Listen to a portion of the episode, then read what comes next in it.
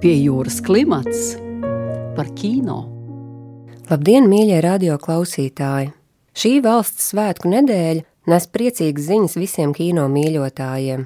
Kinoteātri ir atvēruši savas durvis, un uz lielajiem ekrāniem ir atgriezušās vairākas pašmāju filmas. Matīs Kažs īsternis Wild East, kur vedīs ceļš, Dacis Pūces drāma Bedre, Anna Miziša, Kristīna Želvis un Dāvis Īmaņa daudzsērija mākslas filma Emīlija Latvijas preses karaliene, Itālijas Latvijas kopražojuma dokumentālā filma Piedzima Roselīnī, kā arī manis režisētā pusauģu komēdija Tīzlenis. Turklāt valsts svētku brīvdienās uz lielajiem ekrāniem atkal būs iespēja noskatīties Dzintara Dreiberga kara drāmu Dvēseļu putenis, kā arī 18. novembrī Latvijas pirmizrāde piedzīvos Lailas Pakalniņas jaunā filmas Spogulī. Vairāk par filmu Spogulī iespējams uzzināt mans kolēģis Sonors Broks pagājušā gada 24. aprīļa sarunā ar režisoru Lailu Pakalniņu, kas pieejam gan portālā LSM, gan raidierakstu formātā.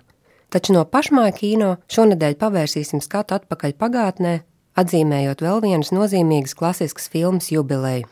Pirms 70 gadiem, 1951. gada rudenī, uz ekrāniem iznāca režisora Elīze Kazana filma Ilgu tramvajs ar Vivienu Līju un Marlonu Brando galvenajās lomās.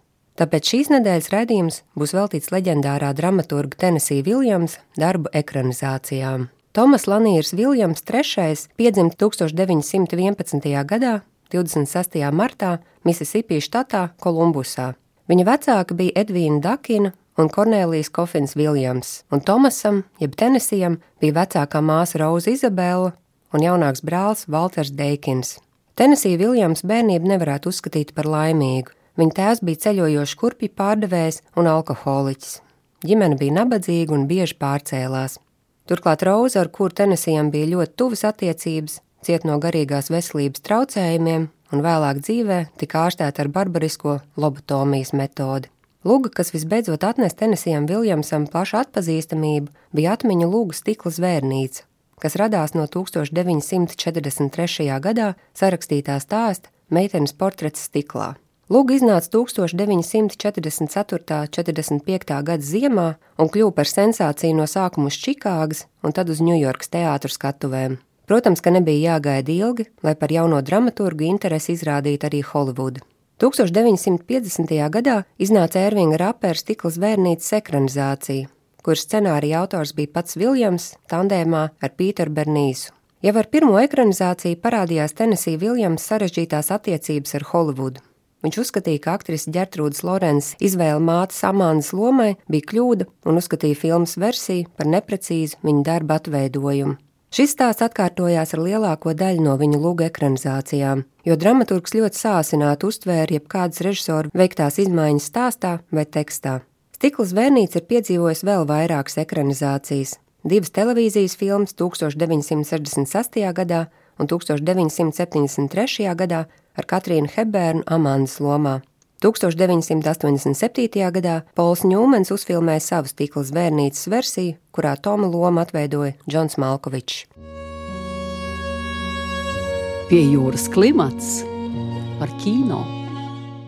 Nākamā Tenesija Viljams lūga bija 1947. gada ilgu tramvajs, kas joprojām tiek uzskatīta par viņu nozīmīgāko darbu un par kuru autors saņēma Pulitzer prēmiju. Savās atmiņās Tenesijs Viljams raksta: Noskatījos Elīzes Kazāna iestudēto Artūru Milleru lūgu visi mani dēli, un man tik spēcīgi ietekmēja šīs ideja drāmas inscenējums un vitalitāte, kur viņš tajā bija ielicis, ka lūdzu Odriju Vudu un Irēnu Selzniku darīt visu iespējamo, lai viņš piekristu iestudēt tramvaju. Ilgu tramvaju iestudējums bija veiksmīgs, un lūga sāk dzīvot savu dzīvi arī ārpus ASV robežām. Aktrise Viviana Lī bija sajūsmā par Lūgunu Blanšas lomu un pierunāja savu vīru Lorenzu Olivier, ka tam ir jābūt abu nākamajam projektam. Ņemot vērā, ka Londonas teātra kritiķi lielākoties sajūsminājās par Olivier un mēdz ignorēt Lī, aktrise uzstāja, ka darīs visu, lai varētu spēlēt Blanšu. Interesanti, kā ilgu tramvaju tapšanu atceras dažādas iesaistītās personas. Tā kā stikla zvērnītes iestudējums Londonā nebija veiksmīgs, Viljams nebija īpašā sajūsmā par Olivier pāru iniciatīvu, taču apzinājās, kādu prestižu lugai piešķirt britu teātra karaļpāri iesaistīšanās. Tikmēr pats režisors Lorenz Olivier savā autobiogrāfijā ilgu tramvaju mēģinājumu procesu apraksta ļoti īsi. taču kādā audio intervijā lepni paziņoja, ka, ja nebūtu manis, Viviana tramvajā nebūtu tik laba. Reizēm vajag kādu, kas saprot, par ko pie vēlna runā, un var tev pateikt, kā to sasniegt. Ko gan citu var gaidīt no aktiera, kurš bija gatavs nožņaukt savu sievu, kad Oskara balvu saņēma viņa, nevis viņš. Lai vai kā par spīti Irēnas Selznikas centieniem, Londonas iestudējums nebija izcils, un tad, kad pienāca kārta ilgu tramvaju ekranizācijai, kā režisors atkal tika uzrunāts Elija Kazans. Savā autobiogrāfijā Kazans norāda, ka nav bijis ieinteresēts un paziņojis, ka tas esot tāpat, kā aprecēt vienu to pašu sievieti divreiz. Taču sākot domāt par to, kā paplašināt lūgas vidi kino ekrānam, Kazans bija ieintriģēts un sāka jau darbu pie scenārija. Taču, kad paplašināšanas darbi bija pabeigti, saprata, ka tādējādi arī pazudis lūgas kondensētais dramatisms, un visas skaislības ir izčākstējušas. Tā nu scenārijs, kur veidoja gan Viljams, gan Kazans, gan Oskars Sols, atgriezās tuvāk pie izēja materiāla. Par pamatu filmas vizuālajai valodai, ņemot dramaturgu salīdzinājumu ar naktstauriņu, kas sits pret sienu. Marlons Brando, kura debija teātra versijā bija spoža, atkal spēlēja Stenlija Kovaļska lomu, bet Blanša Diboā lomā šoreiz bija Viviana Lī. Viņa gal galā joprojām bija kino superzvaigzne. Elija Kazans raksta, ka sākotnēji abu sadarbība bijusi sarežģīta, jo Viviana visu laiku atsauksies uz to, kā Blanšas loma tika veidota Londonā kopā ar Lorenzu Olivier. Taču, kad režisors aktrisi pārliecinājās, ka šoreiz primārā ir viņa interpretācija, Vivienas Līja aktieru spēle atdzīvojusies. Par Blanšas lomu Viviana Līja saņēma Oskara balvu kā labākā aktrise, un filma tika nominēta 12 kategorijās. Blanšas loma Vivienas Līja karjerā bija gandrīz tikpat nozīmīga kā Skārleto Hāra, taču tā kā aktris cīnījās ar bipolārajiem traucējumiem, darbs pie ilga tramvaja atstāja uz viņu ļoti smagu iespaidu. Lorenz Olivier pat uzskatīja, ka tieši Blanšas loma esot Vivienu salauzus neatgriezeniski. Ties jāpiemin, ka Olivier ir raksturīgi visā vainot citus, tikai ne viņu pašu. Tā kā Tenesija Viljams Lūgas savā laikā skaitījās skandalozes, gan iestudējumos, gan ekranizācijā bija nepieciešams veikt izmaiņas, lai apmierinātu cenzorus. Vislielākos iebildumus radīja norādes uz to, ka Blanšs vīrs ir bijis homoseksuāls, tāpēc Kazana versijā šis aspekts tiek apiets atstājot vien ļoti smalkus mājienus. Tāpat arī nedaudz tika izmainītas lūgas beigas, lai dotu skatītājiem cerību, ka Blanšas māsa Stela tomēr pamet Stenlī, kurš ir izvarojis Blanšu. Pie jūras klimats par kino. Nākamā nozīmīgākā Tenesija Viljams lūgas ekranizācija bija 1955. gada tetovētā roze, kuras režisors bija Daniels Mans. 1951. gadā tapusī luga tiek uzskatīta par vienu no Viljams optimistiskākajiem darbiem, un tā arī saņēma Tonija balvu kā gada labākā luga. Pats dramaturgs par to savās atmiņās raksta. Tetovētā roze bija mans mīlestības apliecinājums pasaulē, un epigrāfs bija citāts no Seržana Persa, trimdas autora, un skanēja aptuveni šādi: Dzīve ir skaista, kā auna galva, kas nokrāsot sarkanu un pienaglot pie durvīm. Jau rakstot lūgu, Viljams vēlējās Serafīnas lomā redzēt Annu Manjānī, bet aktrise atteicās piedalīties oriģinālajā Brodvejas iestudējumā, jo uzskatīja, ka viņas angļu valoda nav pietiekami laba. Taču ekranizācijā Manjānī beidzot bija gatava spēlēt Serafīnu un saņēma Oskara balvu kā labākā aktrise. Tenesijs Viljams raksta, tetovētās rozes kino versijā lieliska Serafina bija Anna Manjānī. Bieži esmu brīnījies, kā Annai Manjānī izdodas dzīvot sabiedrībā, un tomēr palikt brīvai no tās konvencijām. Otru tik nekonvencionālu sievieti neesmu saticis ne savā profesionālajā pasaulē, ne ārpus tās. Pie jūras klimats par kino.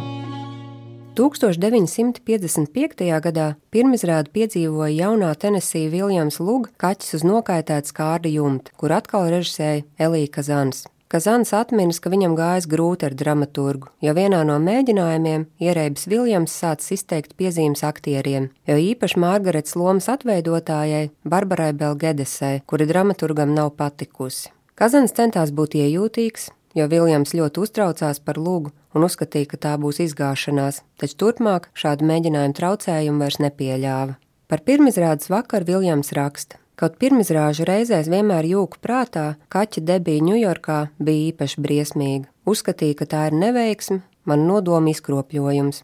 Pēc izrādes man šķiet, ka visā tās gaitā publika klepojusi. Droši vien klepotāji nebija vairāk kā parasti, un tā tiešām kļuva par manu lielāko, visilgāk spēlēto lugu. bet pēc pirmizrādes Kazāns teica: brauksim uz manu dzīvokli un tur sagaidīsim pirmās atsauksmes. Viņš bija pilnīgi pārliecināts, ka kaķis kļūs par hītu.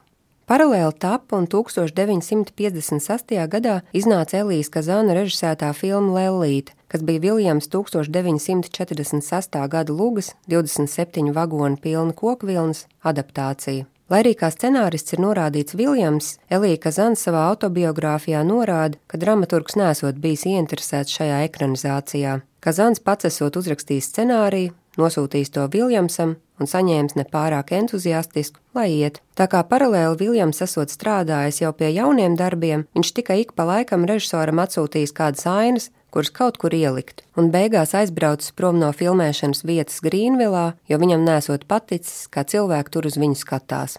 Kazans neuzskata šo filmu par meistardarbu, taču uzsver, cik jautrs bijis tās tapšanas process kā arī katoļu kardināla Francis Spelmana iebildumi pret filmas nepiedienīgo sižetu tikai padarīja Lellīti populārāku. 1958. gadā iznāca Ričarda Brūks režisētā Lūgas Kaķis uz nokaitēts kārda jumta kino versija ar Polu Ņūmenu un Elizabetu Teiloru galvenajās lomās. Lai arī Viljams pats esot bijis vīlies filmā, šī līdzās ilgu tramvajam ir viena no populārākajām dramaturga darba ekranizācijām. Tā kļuva par trešo pelnošāko filmu 1958. gadā un saņēma sešas nominācijas Oskara balvai, tā skaitā gan Taylorai, gan Ņūmenam. Filmas tapšanas periodā Elizabete Taylora piedzīvoja smagu traģēdiju, jo viņas vīrs Maiks Tots negaidīti gāja bojā avio katastrofā.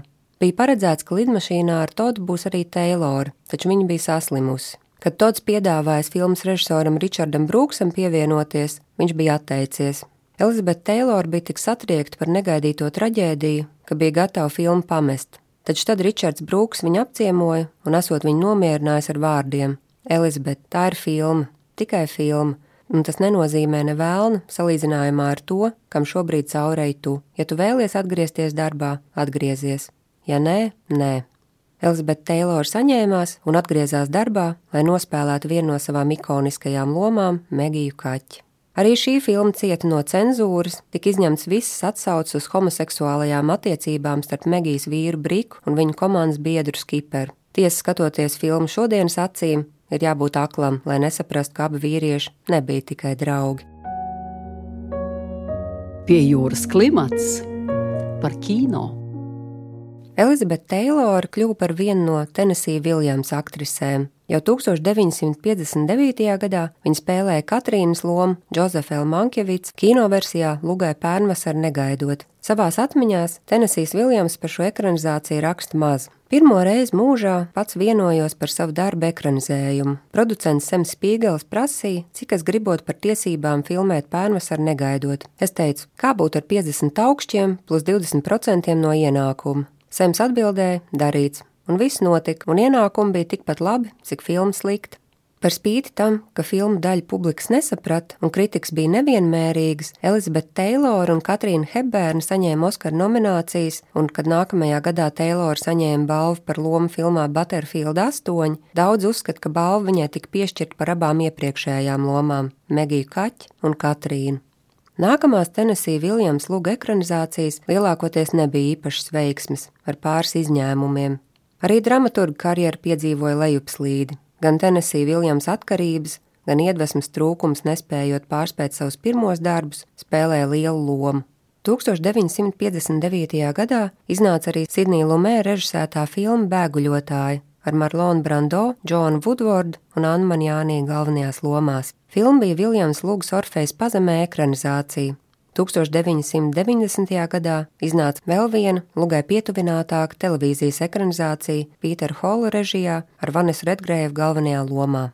1961. gadā iznāca Pītera Glenvila režisētā Vasara un Dūmi ar Geraldīnu Peidžu un Lorenzu Hārviju galvenajās lomās. Peidža saņēma Oskara nomināciju par savu aktieru spēli, bet arī šī filma nekļuva par veiksmi. Tā pašā gadā iznāca Jose Quintero filma Mrs. Stounas Romas pavasaris, kurā savu pirmspēdējo lomu nospēlēja Viviana Lī, tandēmā ar nesen debitējušo Warren Beatty.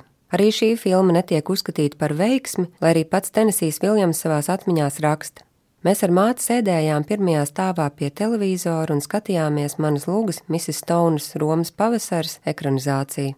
bet māte nemitīgi pļāpāja par spīti maniem atkārtotajiem lūgumiem ļaut man klausīties dialogos. Kad tas nebija iespējams, es tikai sēdēju un vēroju Vivienas līdz tēlojumu, viņas grāciju un traģisko stilu.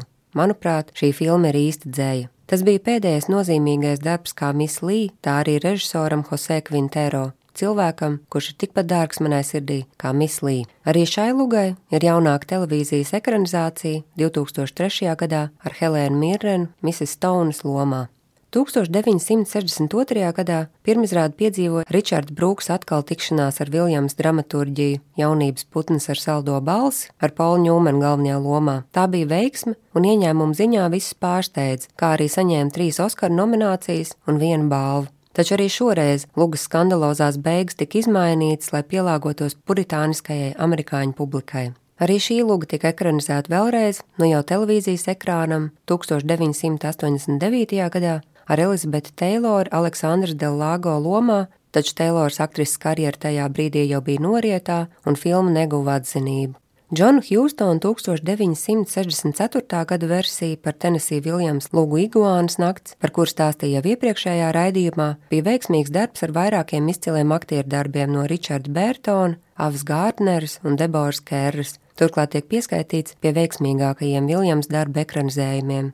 Taču tuvojoties 70. gadiem, kas iezīmē spēcīgas izmaiņas Holivudas kino, dodot ceļu tā saucamajai jaunajai Holivudai, arī Tennessee Viljams lūgs palika pagātnē. 1966. gada šis īpašums ir nolemts ar Robertu Redfordu un Natāliju Vudu galvenajās lomās, kā arī 1968. gada filmas skandāls ar Elizabeti Tayloru un Richardu Bertonu bija smagas neveiksmes. Lielo Holivudas zvaigžņu laiks bija beidzies, un līdz ar to arī Viljams dramaturģijas ekranizējumu uzvaras gājiens. Tenesijs Viljams turpināja rakstīt līdz pat savai nāvei 71 gadu vecumā, kad 1983. gada 25. februārī viņa atrada mirušu viesnīcas numuriņā Ņujorkā. Dramaturgs bija pārdozējis barbiturātus. Taču to, ka viņa darbi nav zaudējuši savu aktualitāti, pierāda tas, ka tos joprojām iestudē uz teātras skatuvēm visā pasaulē, un pagājušajā gadā tika paziņots, ka aktieris Ītenis Hawks strādā pie Tennessee Viljams eksperimentālās 1953. gada lugas Camino Real ekranizācijas. Sandens festivālā Hawks, kurš šobrīd ir projekta galvenais iniciators un režisors, paziņoja, ka Camino Real būs daļai rokopera un daļai gaidot godo. Tā un izskatās, ka Tennessee Viljams dramaturģijas mīļotājiem ir ko gaidīt. Paldies, ka klausījāties un tiekamies jau drīzumā!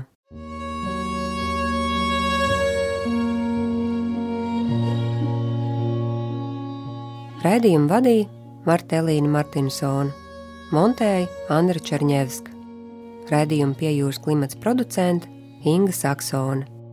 Raidījums tapis ar valsts kultūra kapitāla fonda finansiālu atbalstu.